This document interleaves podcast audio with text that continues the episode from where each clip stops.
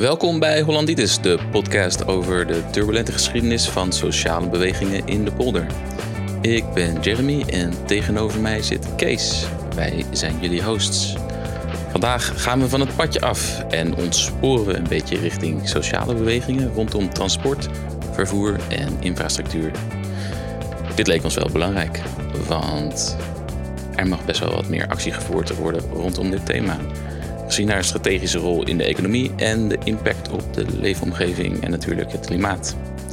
Van de provo's en het Witte Fietsenplan tot Stop de Kindermoord en de Bond voor Zwartrijders. Van bosbezettingen in Amelisweert tegen de uitbreiding van de A27 bij Utrecht. Tot acties tegen de Betuwe-lijn. Genoeg te bespreken. Al zullen we deze aflevering wel wat korter houden als de vorige. Beloofd. Vroom vroom. Die auto's in Nederland. Dat is me toch wel iets. Hé Kees? Uh, ja, zeker. Dat zal iedereen eh, uit zijn en haar persoonlijk leven weten. Nederland is misschien een van de meest geasfalteerde landen op aarde. Ja, wij zitten dit hier in Utrecht op te nemen. En daar heeft de meest spectaculaire actie tegen aanleg van snelwegen in Nederland plaatsgevonden. Die gedeeltelijk ook gelukt is, want er is veel minder snelwegen aangelegd dan, door Amelisweert dan oorspronkelijk gepland. Maar tegelijkertijd kan je ook zeggen, die beweging heeft de slag wel verloren, want hij is er wel gekomen. En die A27 inderdaad, daar rijd je nou uh, soms overheen. En dan zie je Amelis Weert uh, aan weerskanten liggen. Je voelt je wel een beetje schuldig? Uh, dat niet, nee. Dat, zo, zo, christelijk ben ik niet. Maar in ieder geval, um, het is opmerkelijk hoe auto's en autoverkeer een een soort van zelfsprekend onderdeel van ons dagelijks leven zijn gaan, uh, zijn gaan innemen. Terwijl dat uh, niet zo lang geleden nog niet zo was. Toen was veel duidelijker opdeling een weerstand eigenlijk tegen het gebruik van auto's. En heel veel mensen reden niet, hadden geen rijbewijs en gebruikten openbaar vervoer en dat soort dingen. Dat lijkt nogal verdwenen ook omdat ja, de, het, de auto steeds uh, onmisbaarder is geworden in ons, uh, in ons patroon. Uh, veel openbaar vervoer is niet meer in die zin beschikbaar. En we zijn ook veel meer gewend geraakt aan mobiliteit, ehm, waar je auto's dan voor gebruikt dan vroeger. En, je, en vroeger, wanneer bedoel je dan? Nou, bijvoorbeeld, ik las net dat in 1960 waren er nog maar een half miljoen auto's in, in Nederland. Op een bevolking van, van 14 miljoen mensen. En tien jaar later waren dat er al 2,5 miljoen. Dus zijn, het is, in tien jaar tijd is het vervierdubbeld, uh, de hoeveelheid auto's hier. En nog tien jaar later was dat weer een geval. Dat is eigenlijk bijna exponentieel een tijdje gegaan. En in het begin, uh, er is een, uh, een leuke documentaire een paar jaar geleden gemaakt over de aanleg van de A1. De, de, de eerste snelweg ook eigenlijk. Of, officieel niet de allereerste, maar ehm, wel de eerste internationale, die naar Duitsland uh, loopt.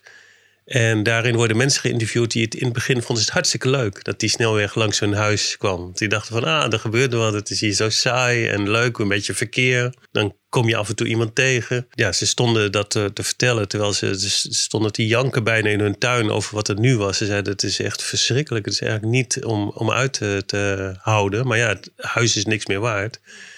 En verhuizen konden ze niet. En nu was het gewoon de hele dag en nacht uh, een geraas van blik wat, uh, wat langs uh, kwam. Dat hadden ze toen nooit gedacht dat dat zo uit de hand zou lopen.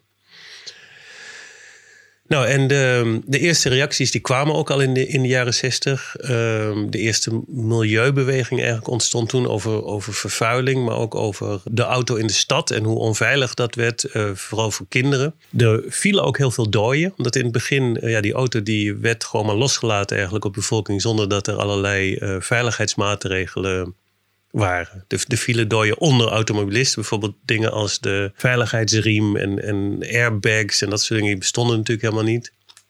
Maar ook op, op straat uh, allerlei fietspaden en zo. Die moesten eigenlijk, zijn die daarna pas aangelegd. Ja, Provo was eigenlijk een van de bewegingen die het op de kaart zette. Met zijn uh, witte fietsenplan. Die, die bedacht toen al op hun typische omstreden manier... dat de binnenstad, in ieder geval of de stad best zonder auto's kon. Als iedereen maar op de fiets uh, kon. Uh, nou, de, dat kennen mensen misschien wel. De beelden daarvan zijn, zijn naast die van de rookbom tijdens het huwelijk van Klaus en Beatrix de meest verspreide beelden van dat ze met een witte fiets dan in Amsterdam bij het spui aankomen. Dat de politie iedereen in elkaar gaat hengsten. Want dat kan toch niet dat je zomaar een fiets niet op slot op straat uh, zet.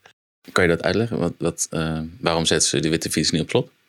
Nou, omdat dat was het idee. Van, uh, dat, dat overal zouden gewoon gratis fietsen staan uh, voor mensen. En die kan, kan je gewoon mee uh, opstappen als je hem nodig hebt. En, en weer neerzetten. En niet, niet geen, zoals dat nu dan geregeld is met abonnementen en, en sleuteltjes of digitale sloten of weet ik veel Dat, dus gewoon zo simpel mogelijk. En dat, dat zou dan een oplossing zijn. Ja, die, die wijze bestuurders hadden bedacht dat dat echt niet kon. En er is een filmpje gemaakt, Omdat mijn fiets daar stond, heet die. Die is nog steeds op, op internet te vinden. Over wat er gebeurt als hij de eerste witte fiets komen presenteren. En ja, dat, dat ontaart in een, in een gigantische rel. En vervolgens, een paar jaar later, ontstaat er iets meer georganiseerde organisatie of beweging. Ik weet niet precies hoe je het moet noemen. Die um, op de uh, kaart gaat zetten dat er heel veel verkeersslachtoffers vallen. Onder fietsers en, en um, voetgangers. En die heet Stop de kindermoord. Wat natuurlijk een uh, ontzettend goede titel voor zo'n. Uh, die maakt meteen duidelijk waar het om gaat. En uh, die, hebben, die waren in het begin waren die heel erg activistisch ook. Die hebben allerlei wegen geblokkeerd. En uh, er zijn nog steeds, niemand weet dat meer. In Amsterdam bijvoorbeeld is de Ferdinand Bol, die is autovrij. En dat, die is door hun eigenlijk autovrij gemaakt. Er waren toen in de jaren zeventig waren acties. Er, was een uh, lagere school, die lag aan de Ferdinand Bolstraat. En dat was levensgevaarlijk voor die kinderen. En er zijn acties geweest dat ze al hun uh, meubilair, dus van die, die lagere school, uh, op de straat uh, en dat de kinderen daarvoor gingen zitten. met de leraren erbij. En niemand die toen ging bedenken van dat dat illegaal was of gewelddadig of weet ik veel wat. Nee, iedereen ontsnapte meteen van dat dat een, een belangrijke strijd was. De kinderen zijn niet een paar dagen van tevoren opge opgepakt, uit een bed gelicht. Nee, heb geen illusie zo. Ik denk dat de Telegraaf toen ook uh, op dezelfde manier tegen te keer uh, ging. Dat weet ik niet. Dat hebben we niet, niet nagezocht. Dat zouden we nog een keer kunnen doen. Um, maar in ieder geval, die, uh, dat was een, zoals veel van die bewegingen aan het begin heel activistisch. En dan heel langzaam wordt het steeds meer. Hè, ze worden uitgenodigd voor gesprekken met lokale en landelijke bestuurders om dan te vertellen hoe het dan beter zou kunnen. En voor je het weet zit je dan in een of andere adviescommissie uh, mee te uh, besturen. Uh, met alle voor- en nadelen van dien. Want heel veel van de maatregelen die eruit voort zijn gekomen, zijn onder andere door. Kijk, fietsers en, en buurtbewoners die weten ontzettend goed wat oplossingen zijn, natuurlijk veel beter dan die bestuurders die in die stadhuizen zitten met een kaart voor hun neus. En uiteindelijk is die hele Stop de Kindermoord die is ook eh, overgegaan in uh, Veilig Verkeer Nederland. Wat zo'n uh, totaal apolitieke club is die, die adviezen geeft over, uh, ja, over verkeersveiligheid. Maar goed, dat is natuurlijk niet de enige ding. Er was toen in Amsterdam ook een beweging die heet Amsterdam Fietst. En met excuses voor de luisteraars van buiten die, uh, die stad. Uh, dit, wordt, dit wordt een beetje een, een uh, uitzending met te veel voorbeelden uit 020. Ik weet ook niet waarom. Misschien omdat ik daar woon of zo. Maar um, we proberen dat altijd te vermijden. Maar in dit geval was, dat, was dat bijna niet te doen. In geval Amsterdam Fietst. Die organiseerde demonstraties met fietsers. Dat was voor het eerst eigenlijk dat dat gebeurde. En de allergrootste voor zover ik kon terugvinden op internet, was uh, met bijna 10.000 uh, mensen. En die hebben ook een uh, foto geproduceerd, of daar is een foto uit ontstaan die je misschien kent. Die is vanaf de lucht genomen, of vanuit een hoog gebouw in ieder geval, van het Museumplein, waar al die demonstranten zijn gaan liggen met hun fietsen naast zich. En dan is het hele plein is, bedekt. En in die tijd was het Museumplein, werd nog genoemd, was de kortste snelweg van Nederland. Daar liep gewoon een, um, een, ja, een autoweg eigenlijk dwars doorheen.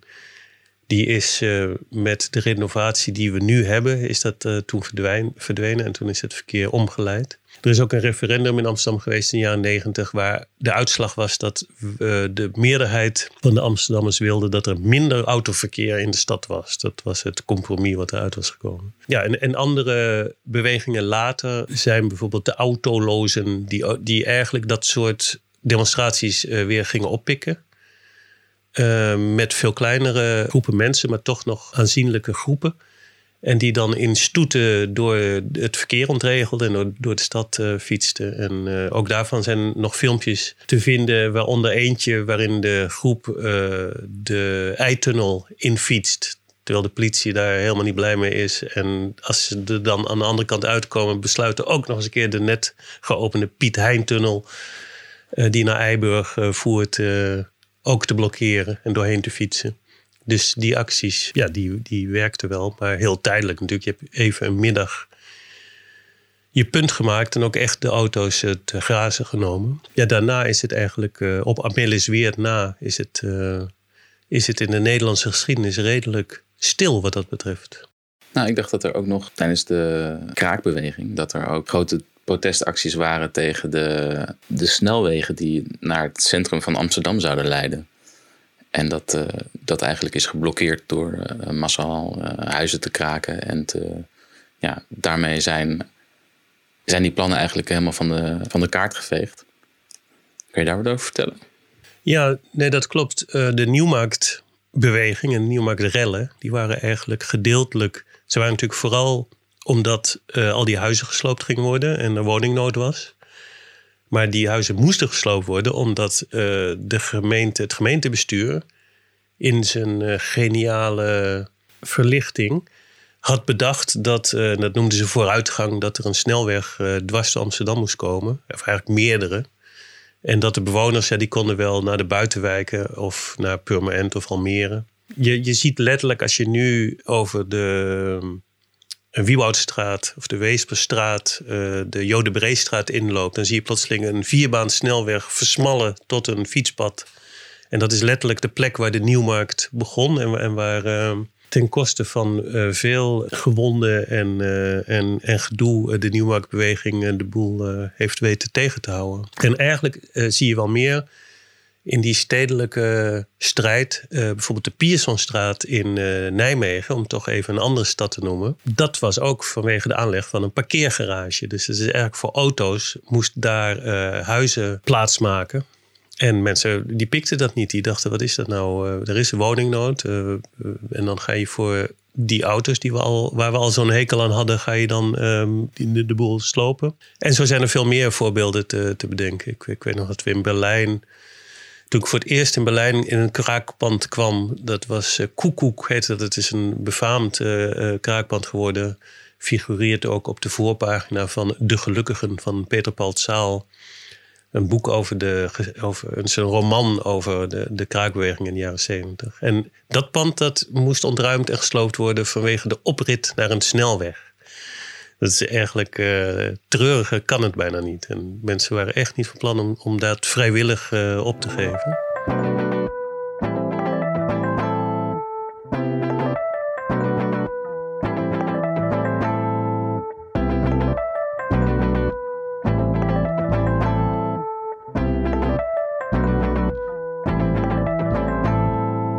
Maar echt uh, georganiseerde beweging tegen de aanleg van snelwegen zijn er eigenlijk heel, heel, heel weinig geweest. En dat is uh, misschien opmerkelijk. Ik heb het later uh, nagevraagd. We hadden een keer een soort uh, filmprogramma over Amelis Weert georganiseerd. We hadden ook mensen uitgenodigd van die, die toen de, de acties hadden georganiseerd. Want kan je dat even in context plaatsen? Amelis Weert, wat is daar precies gebeurd? Ja, Amelis Weert moest. Ja, de mensen in Utrecht die kennen dat. Het is een ontzettend mooi en heel oud bos tegen uh, Utrecht aan. En daar zou een snelweg doorheen komen, de A27. Daar op zich was daar wel een goede reden voor. Daarom deden ze het ook. Um, namelijk om, ik ken de geografische situatie niet goed, maar twee snelwegen met elkaar te verbinden. En anders had je enorm om moeten rijden of dwars door de stad moeten gaan rijden. Maar wel dwars door dat uh, prachtige bos. In 1988 zijn ze begonnen met, uh, met het aanleggen.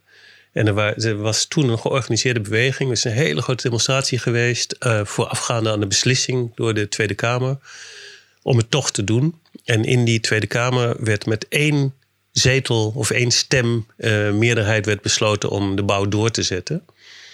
Dus eh, de, de basis was al niet eh, heel sterk.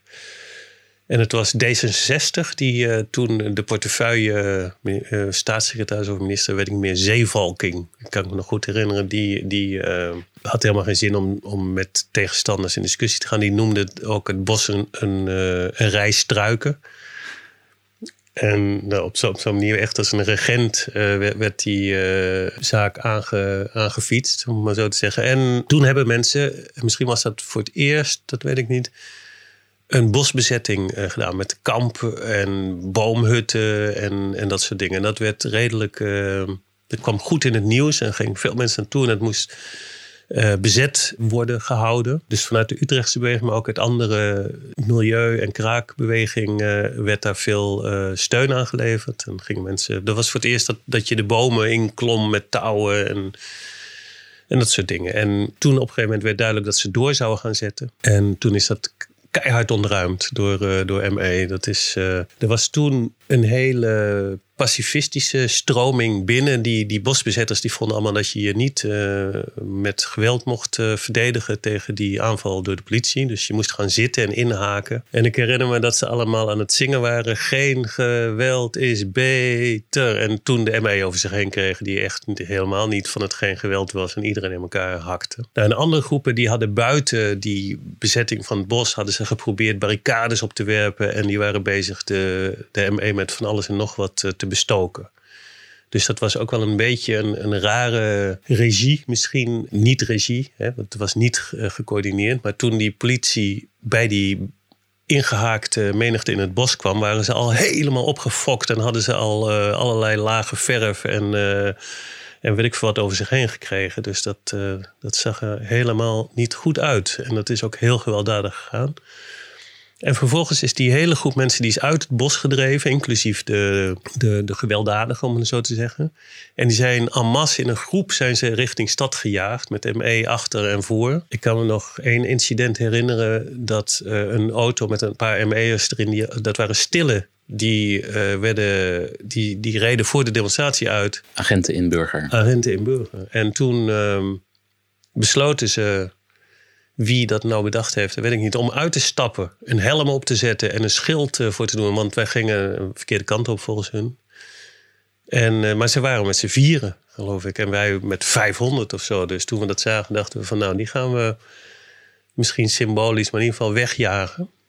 En dat hadden zij ook door. En toen struikelde ze die auto in. En die reed toen heel hard weg, terwijl de achterruiten ingegooid werden en zo. En toen dachten ze, we zijn ontsnapt. En toen gingen de slagbomen dicht, kwam er een trein aan. En toen zaten ze daar in klem.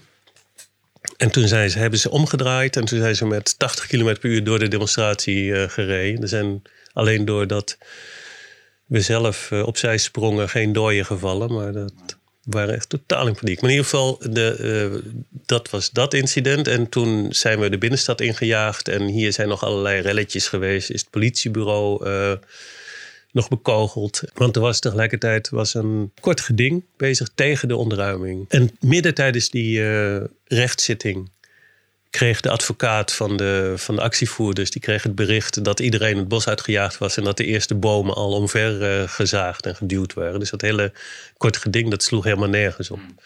Dat werd toen nog een beetje een schandaal... dat ze niet het uitslag van het kort geding hadden afgewacht. Maar dat was tekenend voor die tijd. En toen hebben ze werkelijk in een recordtempo... hebben ze met hele zware, uit- deels uit het buitenland eh, ingevoerde bomenrooi apparatuur hebben ze dat hele bos of dat traject waar het doorheen moest, hebben ze gewoon gesloopt. Zodat je het niet weer terug zou kunnen bezetten. Dus in een dagtijd waren 460 bomen waren omgezaagd. Nou, dat was dus Ame- Amelisweert.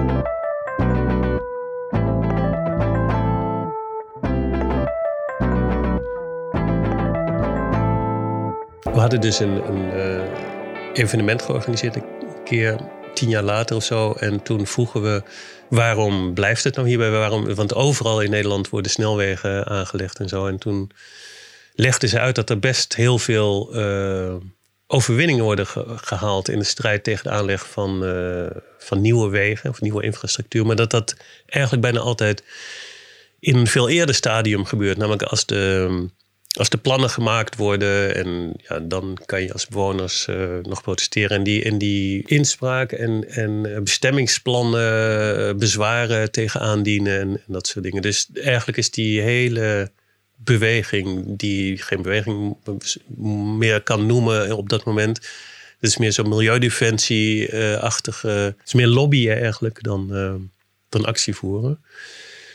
Dus dat was de verklaring waarom je zo weinig meer van dit soort conflict, conflicten in uh, Nederland ziet. Ja, dat is natuurlijk ook deels een overwinning. Dat, dat verzet tegen dat soort wegen, dat, dat het geïnstitutionaliseerd is, dat je daar tegen in, in verzet kunt komen. En dat dat ook blijkbaar kan helpen. Ja. Ik weet niet eh, of de balans eh, positief uitslaat als je ziet hoeveel wegen er eh, aangelegd zijn in de tussentijd. Ja. Dat is wel. Uh, er is geen plekje in Nederland waar je geen autoverkeer hoort. Uh, Zo'n beetje. Uh, dus ja. En plus dat het beleid natuurlijk niet meegegaan is. Het, is. het is steeds meer auto als oplossing en minder openbaar vervoer of, of minder mobiliteit of zo inplannen. Uh, dus die slag is ook eh, verloren, denk ik. Nou, weet ik niet. Ik bedoel, als je kijkt naar de, de autovrije zondagen, de, de binnensteden die, waar de auto's worden geweerd. Kijk naar weet je wel, de infrastructuur voor, voor fietsers en voor, voor voetgangers. Er is toch echt wel wat van die beweging terug te vinden in, in beleid in milieu eigenlijk van, uh, van de steden. En het is niet dat er, dat er niks veranderd is door die, door die hele beweging. Het is, als mensen uit het buitenland komen in Nederland, dan vinden ze het allemaal heel erg opvallend hoe prominent de fiets als vervoersmiddel is. En hoe goed het verkeer geregeld is. Ook op ja, hè, de grote infrastructurele aspecten daarvan. Dat, ja. Ja. Nee, klopt. Het is natuurlijk. Uh, en ik denk ook dat het voor een heel groot deel um, te danken is aan buurtbewoners die pikken het niet als dat weer van hun afgenomen wordt. Omdat iedereen gebruikt de fiets. Tenminste, uh, begint ook langzaam te veranderen. En je kinderen moeten op de fiets naar school. Op het moment dat. Uh, dat die fietspaden weggehaald zou worden of daar parkeerplaatsen van gemaakt zou worden. Af en toe heb je dat soort in de pijp waar ik woonde, had je af en toe dat soort plannen. En dat pikten mensen dan niet. Die gingen dan in die straat gingen ze handtekeningen inzamelen en, en feestjes op die parkeerplaatsen organiseren of weet ik veel wat. Om te laten zien van hoe belangrijk was dat die auto toch dat niet zou mogen inpikken. Maar goed, desondanks, als je het, het plaatje bekijkt van hoe het openbaar vervoer aan het afnemen is. Heel veel buslijnen en vooral op het platteland. En wat het een paar uitzendingen geleden ook over de kaalslag op het platteland ja, de, de, heel veel busverbindingen bestaan gewoon niet meer. Of alleen um, in, door de week als kinderen naar school moeten.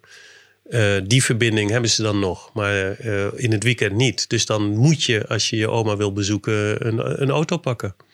Ja, want uh, openbaar vervoer in Nederland, wat was vroeger, als dat een, werd dat via de, de, staat geregeld? Wanneer is, die, wanneer is dat, die verandering in gang gezet? richting privatisering? Nou, ik denk dat, die, dat het een heen en weer is geweest. Hè. Niet alles was door de staat. In het begin uh, had je ook particuliere tramlijnen en, en zo. En op een gegeven moment is dat een uh, massaal openbaar vervoerbedrijf geworden. Eerst gemeentelijk voor de lokale en dan de nationale spoorwegen voor het interlokale verkeer en de internationale. Dat is de sociaaldemocratie die dat, dat soort dingen heeft. Uh... Ja, nou ook, ook die geschiedenis is natuurlijk nog niet zo heel lang. Hè? De, de, de, de eerste spoorlijnen zijn uh, eind 1800 uh, eh, ontstaan. En um, nou ja, als je echt de arbeidersgeschiedenis ingaat, dan is 1903 natuurlijk een hele belangrijke datum. Dat toen een landelijke staking, volgens mij is dat nog steeds de enige die echt landelijk uitgevouwen werd ehm, in, de, in de spoorwegen geweest, die alles lam legde. En toen zijn er wetten aangenomen die het verbood om te staken op dat soort, op dat soort strategische uh, onderdelen. En die, die eigenlijk nog steeds een rol speelt. Als je ziet hoe moeilijk het is om acties bij de spoorwegen te organiseren, is dat gedeeltelijk omdat er nog restanten van die, uh, van die verboden heersen. En het in ieder geval, het stakingsrecht is in Nederland überhaupt al heel restrictief. Um, maakt het heel moeilijk om, om acties uh, te doen. En af en toe zijn er dan opwellingen van het personeel van de spoorwegen om dan bijvoorbeeld gratis openbaar vervoer aan te bieden als, uh, als, als actiemiddel. En dat is ook uh, verboden om die reden. als ze dat zouden doen, dan zouden ze onmiddellijk de rechter over zich heen krijgen en en sancties uh, te verduren krijgen. Dus dat maakt het moeilijk, maar dat he heeft te maken met die geschiedenis van dat het ooit begin 1900 een, uh, een cruciaal strategisch sector was. En um, ja, met, met het neoliberalisme is, en de vorming van de Europese Unie is bedacht dat de spoorwegen en al die andere nutsvoorzieningen geprivatiseerd zouden moeten worden. Er kwam meteen wel heel veel protest tegen. Niet zozeer specifiek die spoorwegen, hoewel de, de vakbonden dat wel uh, ook op de kaart zetten. Maar tegen privatisering in het algemeen. Dat, dat beleid van de Europese Unie en uh, liberalen. Gesteund door de Sociaaldemocraten en Christendemocraten toen ter tijd. Um, en omdat er veel protest tegenkwam, is het bij de spoorwegen is het eigenlijk halverwege blijven, blijven hangen.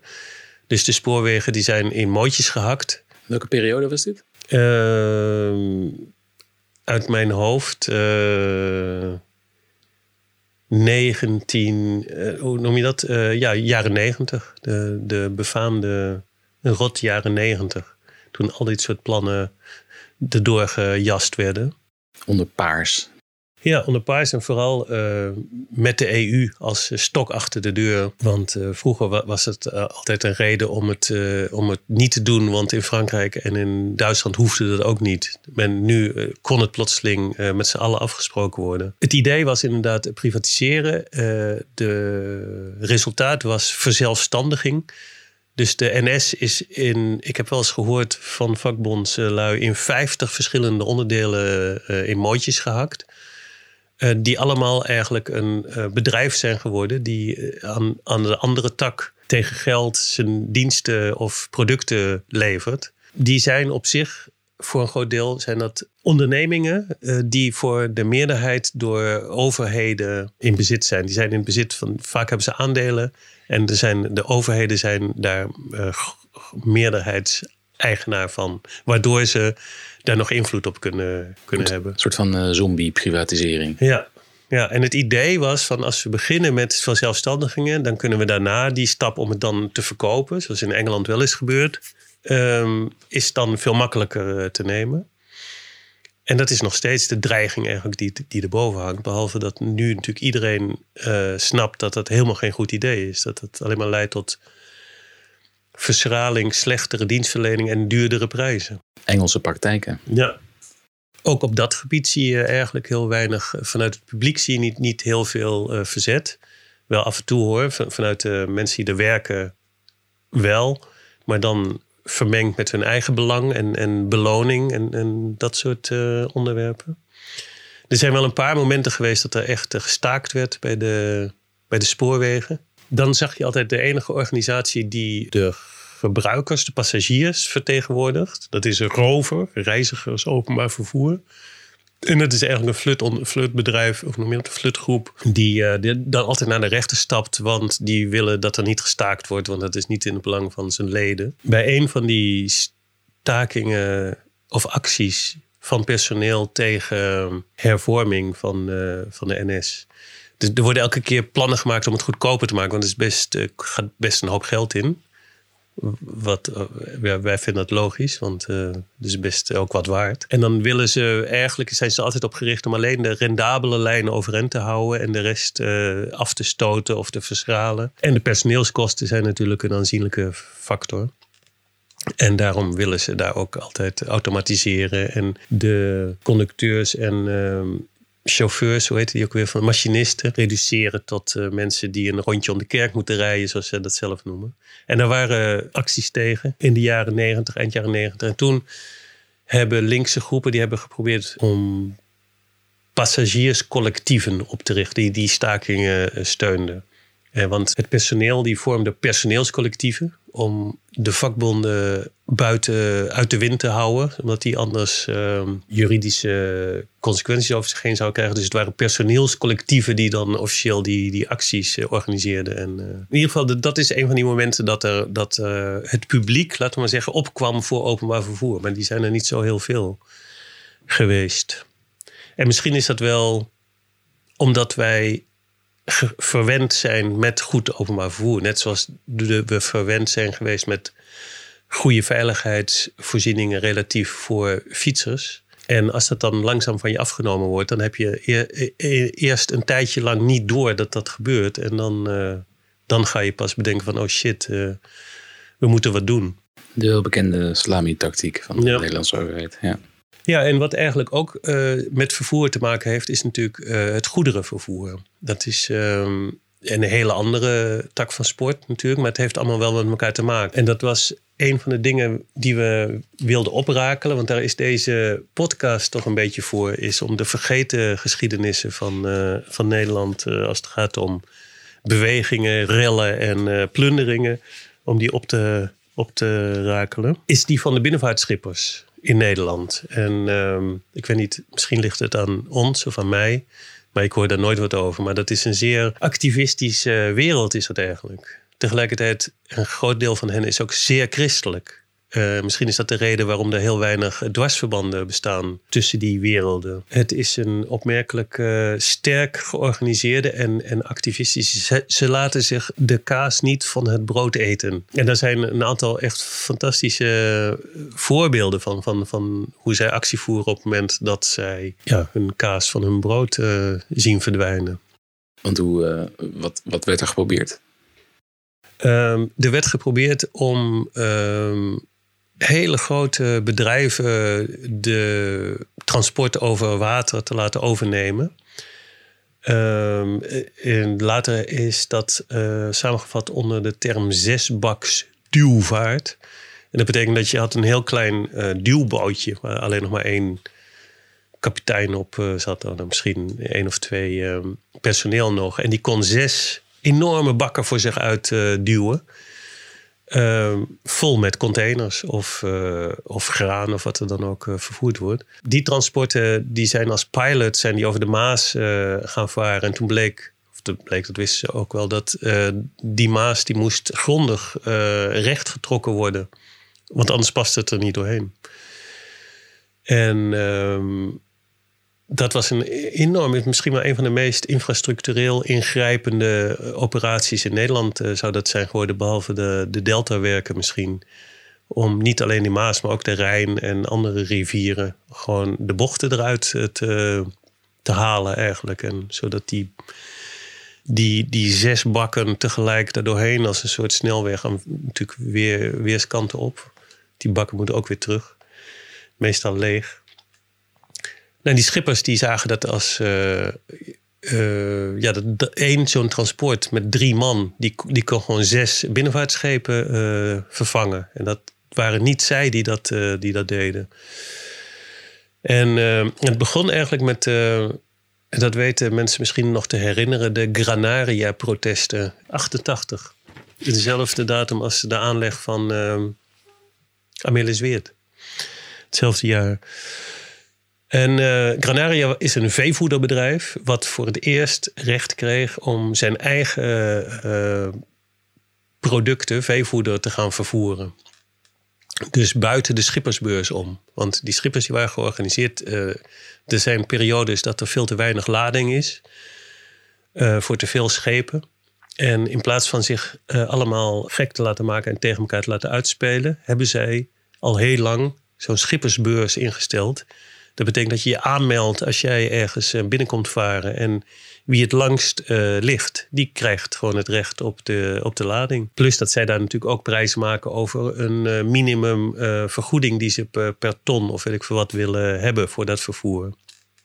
Nou, dat zijn allemaal dingen waar neoliberalen en kapitalisten enorme hekel aan hebben. Duidelijke concurrentievervalsing. Ja, dat kan toch echt niet dat je elkaar helpt en uh, solidariteit voorop stelt. In Kartels. Ja, en uh, nou die Granaria, dat was toen Nelly Smit-Kroes. Misschien kennen uh, mensen haar. Ze is nog steeds, af en toe duikt ze op, nu met de Uber-files. Um, ze is heel lang is, commissaris van de Europese Unie geworden, geweest.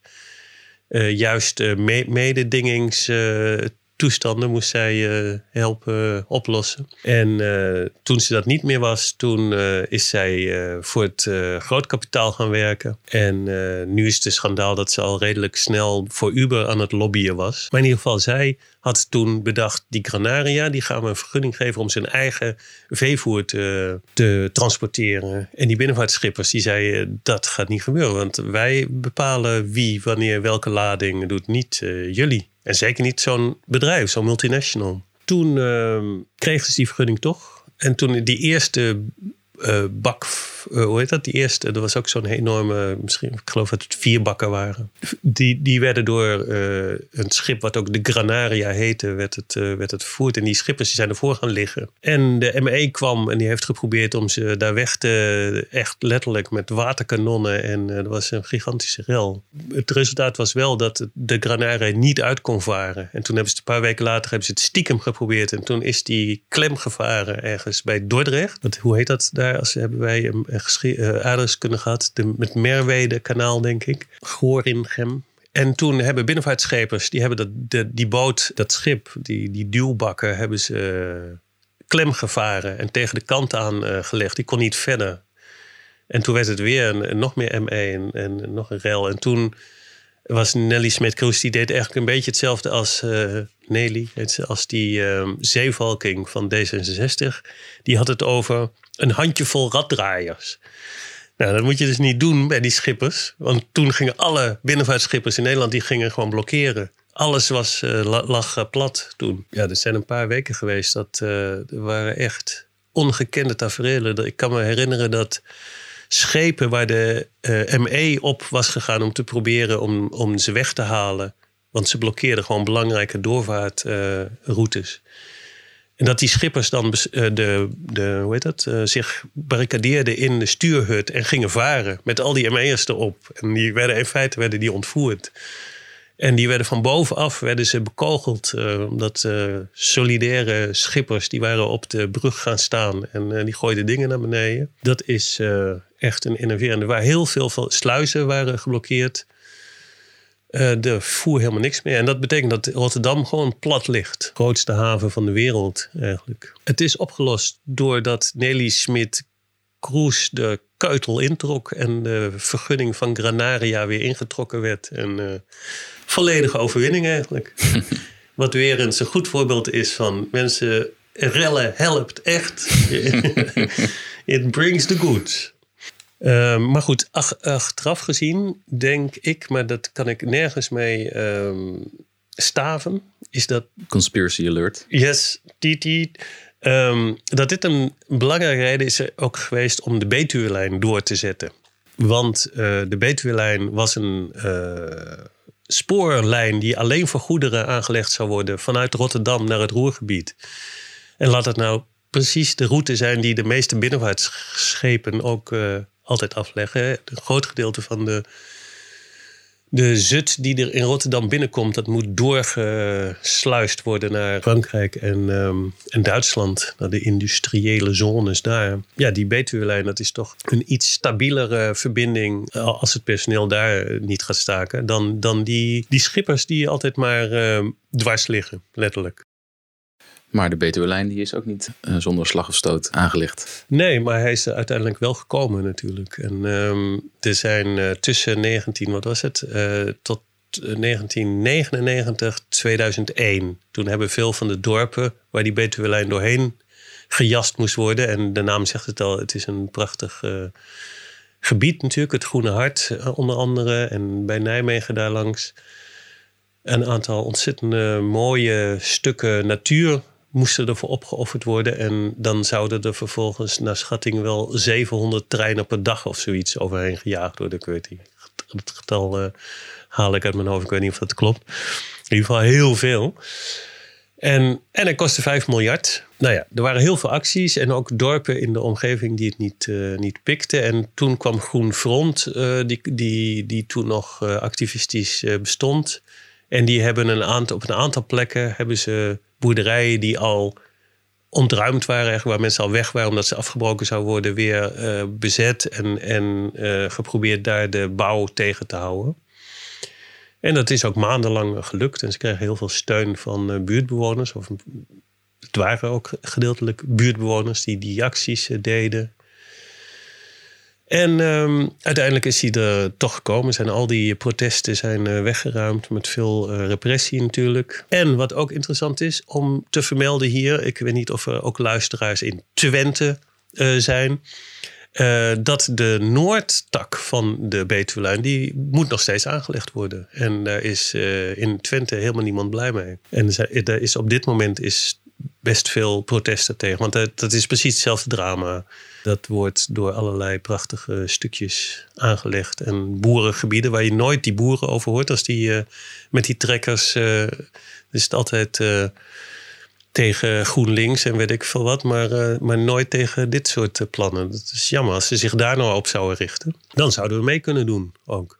Um, ja, dus dat over de binnenvaartschippers en de Betuwelijn. Het is natuurlijk de derde manier om uh, goederentransport te doen is uh, met vrachtwagens. En dat is dan ook meteen het belang dat wij hebben. Want al die vrachtwagens die uh, verstikken natuurlijk, die zorgen voor files en uh, ongelukken en, en, dat soort dingen. Dat zou je veel beter via niet de spoor, maar binnenvaart uh, kunnen, kunnen vervoeren. En um, ja, die vrachtwagenchauffeurs, dat is het omgekeerde eigenlijk van de binnenvaartschippers. Die zijn niet goed georganiseerd. Uh, die zijn totaal uit elkaar gespeeld. Want daar heerst wel de, het vrije ondernemerschap. En je hebt allerlei eh, vrachtwagenbedrijven die ook weer sinds de liberalisering van alles.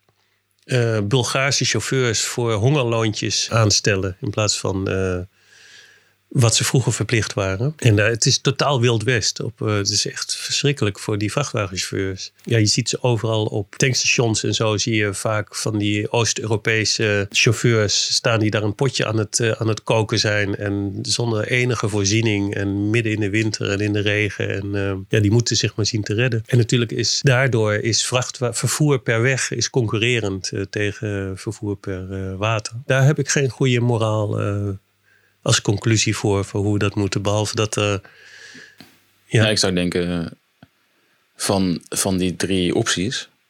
Ik bedoel, vervoer per water is ontzettend uh, belastend voor het, voor het milieu ook. De soort van teer die ze daar verstoken om, om die dingen vooruit te stuwen. Ze zou denken, elektrische treinen, toch voor het, voor het milieu, het klimaat, wellicht de beste optie. Met het nadeel dat je dan wel allemaal bossen moeten omhakken om dat voor elkaar te krijgen. Precies, ik ben het daar niet mee eens. Ik denk dat het uh, goed mogelijk is om ten eerste per ton is het veel minder vervuilend dan, uh, dan wegverkeer. Dat sowieso. Binnenvaartschippers. En ze zijn juist makkelijker schoon te maken. Waarom zou je geen elektrische boten, binnenvaartschepen ontwikkelen dan als je denkt dat dat de oplossing is. Volgens mij, is, nou goed, volgens mij uh, zijn, zijn ze daarmee bezig. maar is dat helemaal niet efficiënt? Net omdat je problemen hebt met uh, um, opslag van uh, energie. Het kost heel veel energie om, om zo'n boot vooruit te stuwen. En als je, ja, dan is de helft van je boot is een batterij. Als je dat wil doen. En batterijen zijn ook natuurlijk problematisch. Ja, maar het kost ook heel veel energie om een trein vooruit te stuwen. En het, het, de grap van water is juist dat het minder energie kost per ton. Uh, omdat zo'n ding drijft vanzelf. Je hoeft hem alleen maar vooruit te bewegen. Uh, de wrijving is veel minder dan bij een, uh, bij een trein of zeker bij een, bij een vrachtwagen. Dus ik ben nog steeds voor de binnenvaartschippers. En ik vind dat zij de toekomst zijn.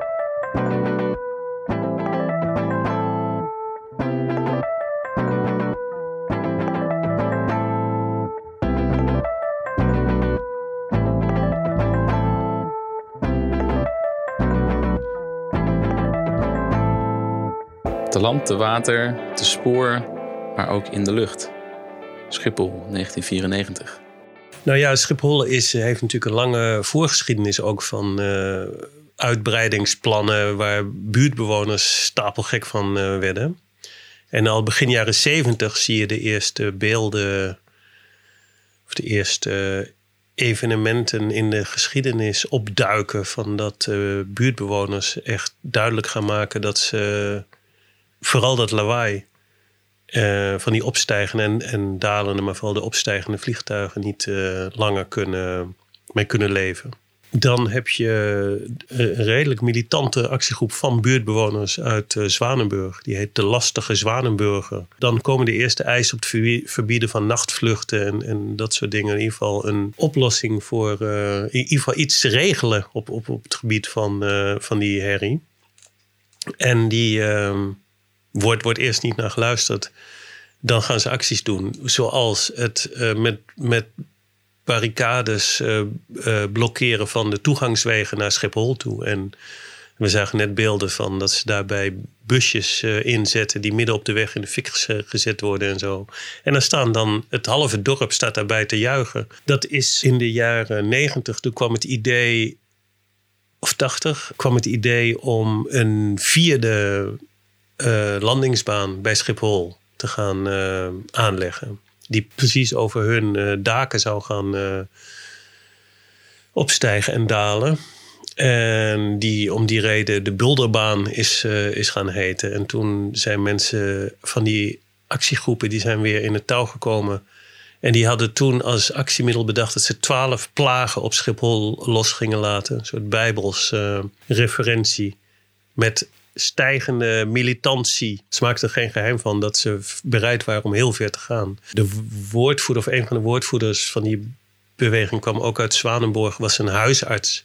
En die had uh, goed onderzoek uh, laten doen naar de medische gevolgen van vooral de geluidsoverlast uh, voor kinderen en zo. En in die, die tijd was nog bijna niets aan isolatie en dat soort dingen gedaan. Wat, nu, wat, wat redelijk snel de oplossing werd natuurlijk.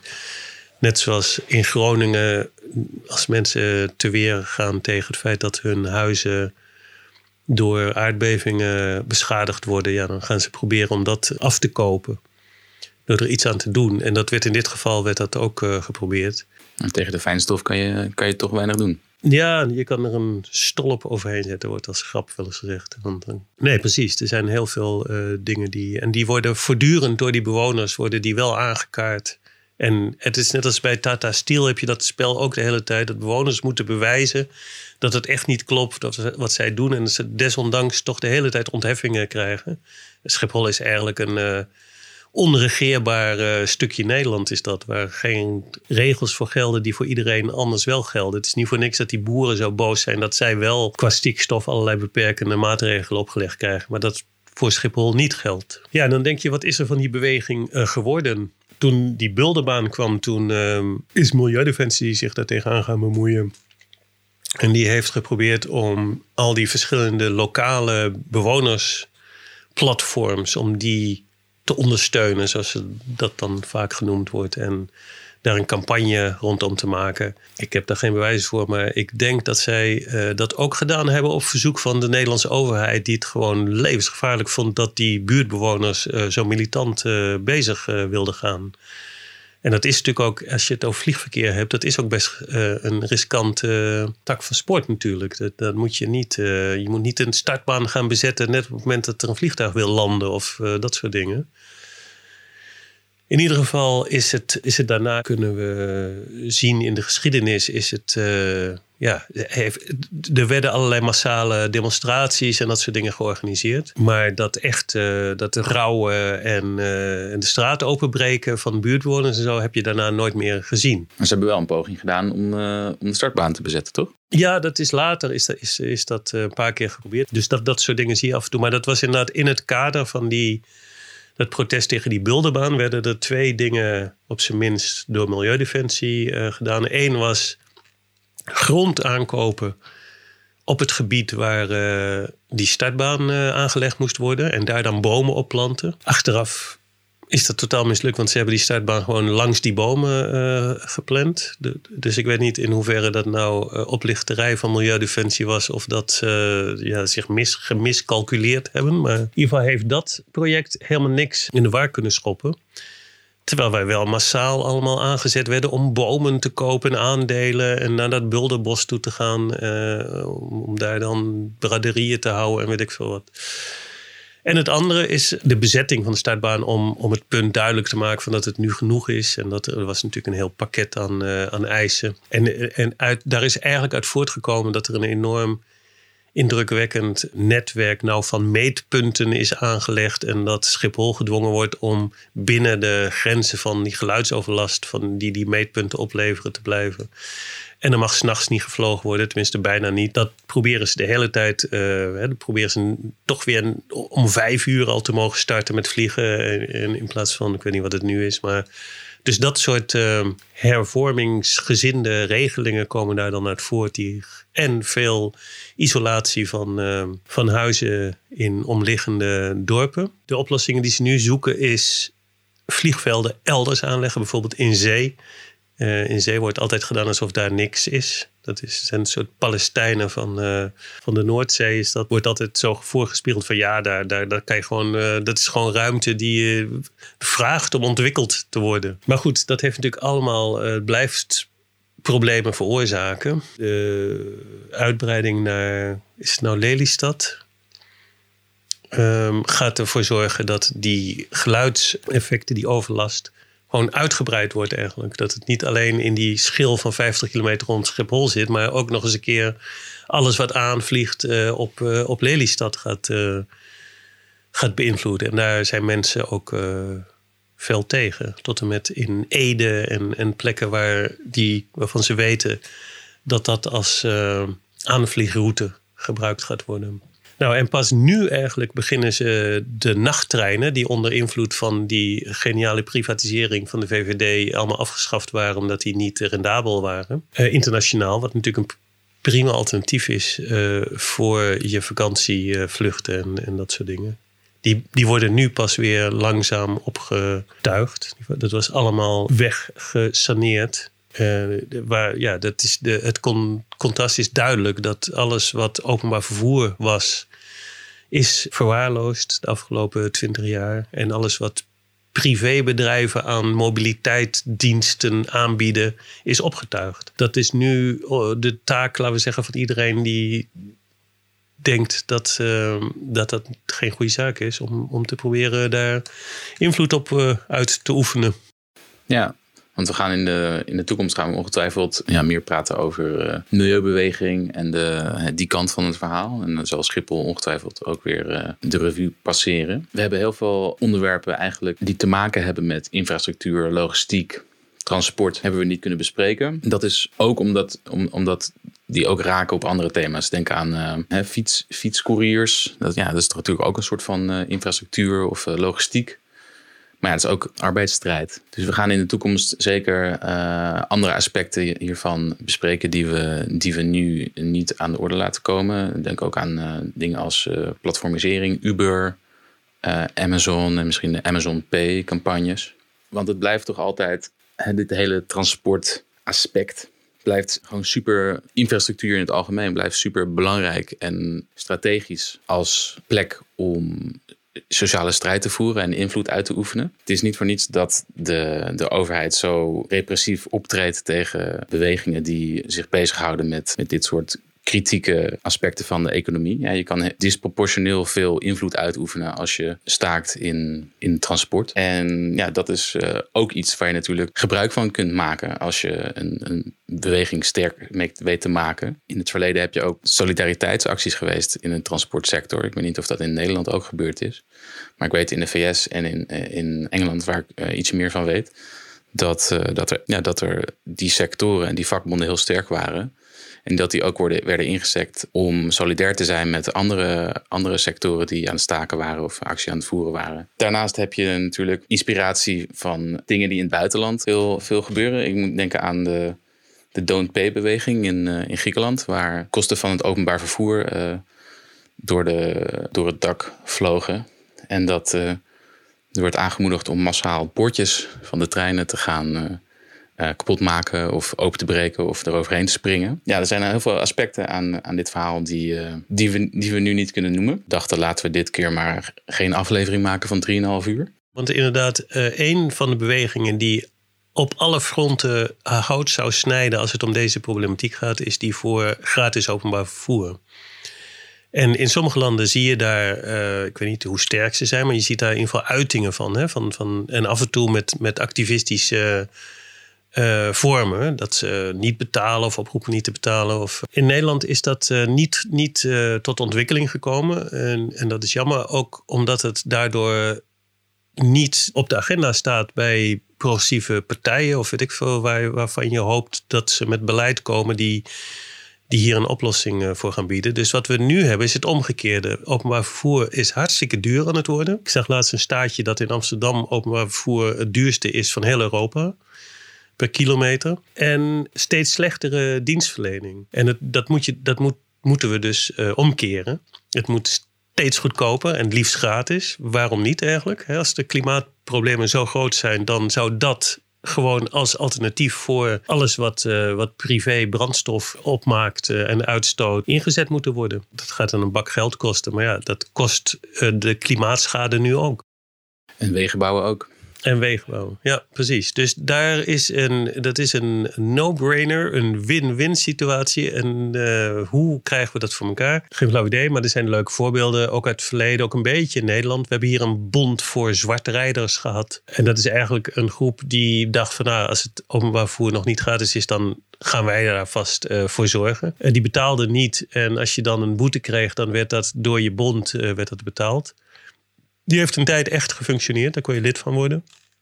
Was natuurlijk tegelijkertijd een politieke daad hè, van eh, eisen dat het openbaar vervoer gratis zou worden. En ook decriminaliseren van het zwartrijden. Wat sommige fatsoensrakkers die vinden dat nog steeds heel erg als je niet betaalt voor, uh, voor zoiets. En die bond die is uiteindelijk is die eigenlijk door zijn hoef gezakt. Omdat mensen, uh, hoorde ik een keer van iemand die daarbij betrokken was. Dat mensen het niet meer uitmaakten of ze nou gepakt werden of niet. En daardoor ja, want, want je, je bond betaalt toch. En dat is natuurlijk niet de bedoeling. Je moet wel uh, je eigen bond voor zorgen dat, die, dat de onkosten binnen de budgettaire ruimte blijven. Uh, en ik heb zelf wel eens meegemaakt in de tram in Amsterdam dat ook uh, de conducteurs voor zwartrijders waren. Die snapten dat heel goed. Die waarschuwden als er controle was. En dat werd dan omgeroepen.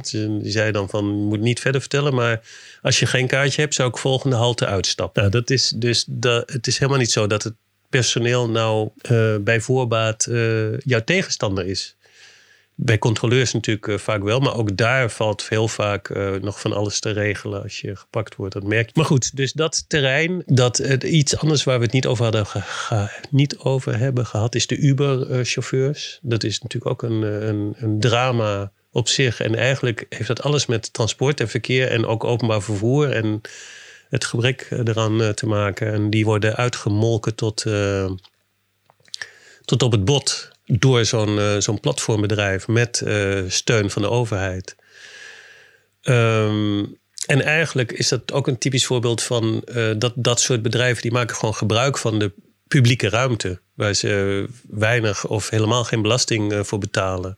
En die bezetten onze parkeerplaatsen en, en plekken op de, op de weg en zo, zonder dat daar iets voor terugkomt. Behalve hele slechte lonen voor mensen die anders uh, bij een regulier taxibedrijf hadden gewerkt. En ze zijn nu acties aan het voeren. Um, ik weet niet, je zou ook een manier moeten vinden om dat te kunnen steunen. En ik hoorde dat uh, in de krant die ik uh, werd hun gevraagd van ja, moeten jullie niet gewoon taxichauffeur worden dan? Zeiden ze nee, die hele branche is door Uber kapot gemaakt. En zelfs de reguliere taxichauffeurs hebben een Uber-dinges. die, die rijden dan, uh, weet je, ook voor hun. Omdat mensen die kiezen altijd voor, het, voor de goedkoopste optie. En die laten dan die reguliere taxis sta staan omdat ze toch duurder zijn. Dat zijn dus allemaal gebieden die er eigenlijk ook bij horen waar we nu niet aan toe komen. En uh, ja. Dus het onderwerp van volgende keer staat nog niet vast. Heb je een idee een thema, een ultimatum? Laat het ons weten via de sociale media. We zijn erg benieuwd. En we hebben zelf natuurlijk allemaal ideeën, maar we zijn helemaal, we zijn natuurlijk voor de publieks participatie en de democratisering van onze podcast. Precies, anders dan Schiphol en uh, de haven van Rotterdam uh, willen we wel dat andere mensen uh, invloed hebben. Niet te veel natuurlijk. En we hadden in ieder geval, we gaan, misschien kunnen we deze primeur al, al naar buiten brengen. Dat we een keer met onderstroom samen iets gaan doen over media, eigen media. Klopt, de podcast Onderstroom. Waar je ook naar kan luisteren. Hun link staat in de notes straks. Nog allerlaatst dus oproep aan alle vakbonden, milieuorganisaties, Bond voor Zwartrijders. Opnieuw oprichten graag. Bijstandsbond. Mensen die zich bezighouden met levensonderhoud, inflatie. Eén beweging rondom gratis openbaar vervoer. Kees en ik doen mee. One solution. Gratis openbaar vervoer. We hebben alleen betere slogans nodig. maar goed, wij willen natuurlijk heel graag dat jullie uh, abonneren op deze podcast. Spread the word. Je kan ons vinden bij Apple, bij Spotify en natuurlijk op andere plekken. Je kan via onze website de RSS-feed vinden. Mocht je helemaal niets hebben met die platforms. Hollandituspodcast.nl. Op het Facebook en Instagram vind je ons onder Hollanditis Podcast. Bij Twitter en Mastodon, Hollanditis. En daar verwachten we een wervelwind van ideeën voor de volgende aflevering. En natuurlijk Paljas, bedankt voor het intro en outro nummer. Tot de volgende keer.